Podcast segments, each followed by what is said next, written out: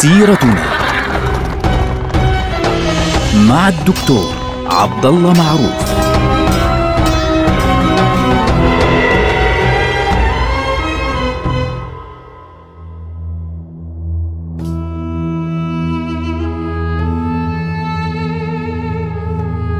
السلام عليكم ورحمة الله وبركاته. سيرتنا سيرة هذه الأمة العظيمة ونحن الآن في عهد السلطان سليم الثالث في الدولة العثمانية.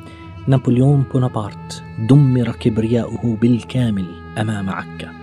دمرت أسوار عكا كبرياء نابليون وقوته وغروره وأذلته فعليا.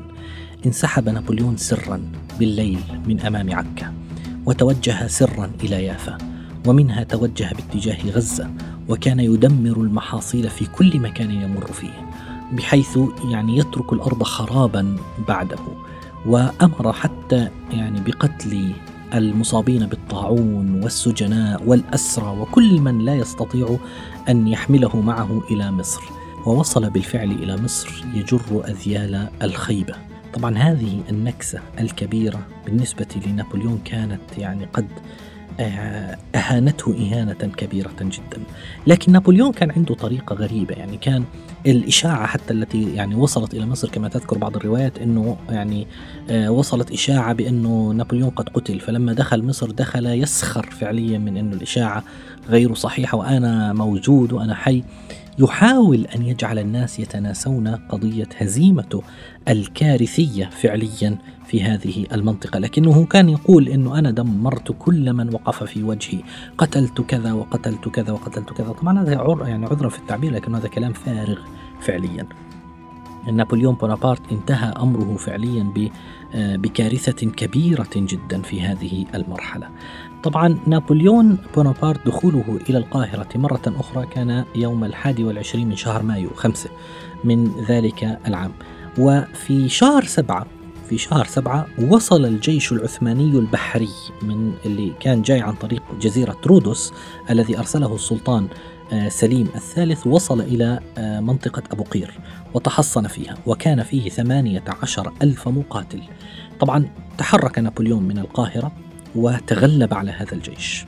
يعني عجيب تغلب على هذا الجيش وأسر قائده. قائد الجيش هذا كان مصطفى باشا. ويعني أسر عددا كبيرا من الجنود. يوم الثاني والعشرين من شهر أغسطس اللي هو شهر ثمانية تحرك نابليون من الإسكندرية باتجاه فرنسا خفية. فجأة هيك يعني بعد أن تمكن من التغلب على الجيش العثماني في أبو قير تمكن من المغادرة سرا من الإسكندرية باتجاه فرنسا يوم الثاني والعشرين من شهر أغسطس من ذلك العام. طبعا 22 أغسطس إحنا بنتكلم عن مرحلة في منتهى الصعوبة بالنسبة له. لماذا؟ لأنه هو مهزوم كان في منطقة البر في الشام. الأسطول البحري البريطاني يسيطر على مناطق كبيرة جدا من الساحل. أي نعم نابليون تمكن من هزيمة الجيش العثماني في منطقة أبو قير لكنه كان لا يأمن على نفسه من الأسطول البحري الإنجليزي في هذه المرحلة. وبالتالي اضطر نابليون بونابرت إلى السفر سرا من مصر إلى فرنسا. يعني هذا يدلنا دلالة واضحة على أن نابليون بونابرت فقد الأمل بالفعل في مصر وخلص انتهى الأمر بالنسبة له حقيقة. طبعا من ترك نابليون بعده فعليا في مصر؟ في ذلك الوقت طبعا الفرنسيين لم يعني لم يغادروا مصر. الفرنسيون نعم نابليون غادر مصر ولكن لم يغادر الفرنسيون. نابليون سلم القيادة من بعده لزميله وقائده كليبر. وأصبح كليبر هو حاكم مصر. أما نابليون فقد ذهب إلى فرنسا ودخل إلى فرنسا فاستقبل استقبال الفاتحين. يعني شيء غريب التاريخ عجيب. يذكرني بالرغم من كل هزائمه يعني عمل لحاله هالة ضخمة جدا كأنه هو يستقبل استقبالا أنه والله منتصر. علما أنه هزم هزم في عدد كبير من المعارك. هزم أمام عكا هزم في يافا هزم في فلسطين كلها. خرج منها مذءوما مدحورا وفي مصر لم يستطع أن يعني يتحكم في مصر وهزم في معركة أبو قير ضد الإنجليز. انتصر فقط على العثمانيين في معركة أبو قير البرية اللي هي قبل مغادرته مباشرة ولكن آه، يكفيه أنه غادر سرا يعني خوفا من الإنجليز. غادر سرا وصلها سرا وغادر منها سرا. ولكنه مع ذلك آه، استقبل استقبال الفاتحين. يذكرني ذلك ببعض الشخصيات العربية التي كانت تحتفل فعليا بالهزائم. عندما تحدث هزيمة كبرى نكسة كبرى تأتي بعض الشخصيات العربية والزعماء العرب ويقولون والله المهم بقاء النظام وأنه هو المستهدف وأن وأن وأن فبالتالي تخرج الشعوب لترحب به وتقول مبروك الهزيمة أو هو الانتصار. شيء عجيب سبحان الله العظيم. يعني التاريخ له ظروف فإذا تشابهت الظروف تشابهت النتائج. طبعا بعد أن غادر جعل القائد كليبر كما ذكرنا وكيلا عنه وجعله هو المسؤول فعليا عن آه، مصر. الجيش الفرنسي بقي في مصر دون أي أسطول بحري يحميه من الإنجليز والعثمانيين الذين كانوا يأتون فعليا بالمدد من البحر. ونقص عدد الجند إلى خمسة عشر ألف جندي فرنسي. طبعا هذا جيش بسيط جدا.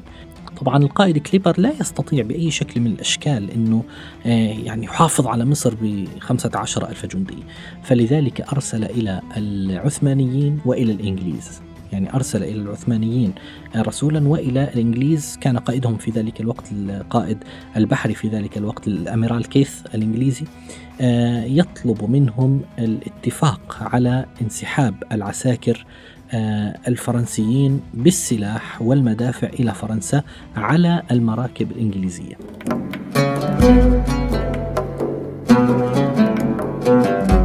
طبعا هذا الكلام كان في بداية عام 1800 يعني في الرابع والعشرين من شهر واحد عام 1000 آه، شهر واحد يناير طبعا عام 1800 للميلاد.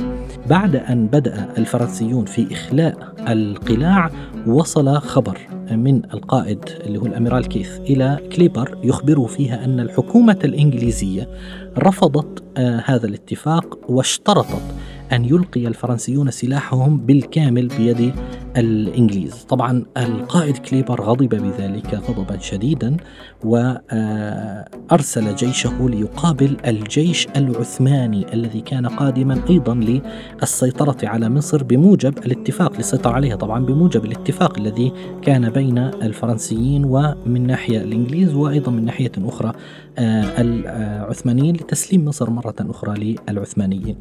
آه، لكن آه، وصل هذا الجيش وتقابل الجيشان عند منطقة المطرية. كان بقيادة الوزير يوسف باشا في العشرين من شهر مارس 3 عام 1800 آه، اللي هو كان شهر شوال في ذلك الوقت عام 1214 وانتصر كليبر في هذه المعركة. انتصر على الجيش العثماني. لاحظوا الجيش العثماني في هذه المرحلة وصلت الدولة العثمانية من الضعف إلى مرحلة أنه كثير من المعارك التي كانوا يدخلونها كانوا ينهزمون فيها وهذه مشكلة كبيرة كانت تعاني منها الدولة العثمانية. كليبر انتصر على العثمانيين وعاد إلى القاهرة. وبالتالي لما وصل إلى القاهرة وجد العثمانيين يسيطرون على القاهرة فهاجم المدينة وضربها بالقنابل ودمر أجزاء كبيرة منها وحدثت معارك كبيرة جدا في مدينة القاهرة حتى يعني سيطر عليها بالكامل. لكن يوم الرابع عشر من شهر يونيو اللي هو شهر ستة من عام 1800 الموافق ليوم الحادي والعشرين من محرم من عام 1215 للهجرة الشريفة حدث حدث هائل في مصر حيث جاء شخص اسمه سليمان الحلبي وهاجم القائد كليبر في سراي الألفي في منطقة الأزبكية في مصر وقتل القائد كليبر. سليمان الحلبي تمكن من قتل كليبر وهذه حديقة كان على فكرة هي حديقة قصره في القاهرة فاستلم القيادة من بعده القائد مينو. هذا القائد الجنرال طبعا. آه، تقول بعض الروايات إنه كان قد اعتنق الدين الإسلامي على فكرة. آه، لكن الذي يهمنا هنا إنه مينو استلم القيادة آه، بالنيابة عن كليبر بعد قتله فعليا. لما وصل الخبر بأنه كليبر قد قتل ف تشجع العثمانيون وتشجع الإنجليز معا أيضا بالتوجه إلى للتوجه إلى مصر وأنزلوا في منطقة أبو قير ثلاثين ألف مقاتل. بقيادة القائد إبروكرومبي وكان ذلك في بداية عام 1801 فعليا وتحرك القائد مينو الفرنسي باتجاههم ليحاربهم فهزم أمام الإنجليز والعثمانيين في الحادي والعشرين من شهر مارس في معركة الإسكندرية المشهورة واضطر القائد مينو فعليا أن يتراجع باتجاه الإسكندرية ليتحصن فيها فقطع الإنجليز عليه سد منطقة أبو قير و قطع الطريق بالكامل. في الحادي والثلاثين من شهر مارس في نفس العام وصلت القوات العثمانية إلى منطقة العريش. وفي الشهر التالي استولت القوات البريطانية مع القوات العثمانية على منطقة فورت جوليان اللي هي آه، قلعة جوليان في منطقة رشيد بعد أربعة أيام من القصف وتم فتح الملاحة مرة أخرى في نهر النيل. فضاق الأمر على الفرنسيين بشكل كبير جدا حتى إذا جاء يوم السابع والعشرين من شهر يونيو اللي هو الستة. من ذلك العام استسلم القائد أو الجنرال بليار الفرنسي في القاهرة تلاه في آخر يوم من شهر أغسطس. من ذلك العام استسلام القائد مينو الفرنسي ونهاية حصار الإسكندرية. وسمح البريطانيون لآخر جندي فرنسي بمغادرة مصر باتجاه فرنسا وأخلى الفرنسيون تماما مصر في ذلك العام وانتهت الحملة الفرنسية في شهر سبتمبر من عام 1801 بهزيمة ماحقة ساحقة لفرنسا نابليون بونابرت وعادت مصر إلى الدولة العثمانية ولكن هذه المرة كانت مع تدخل الإنجليز فعليا وهذا الأمر سيكون له أثر كبير في المستقبل على مصر. نلقاكم على خير والسلام عليكم.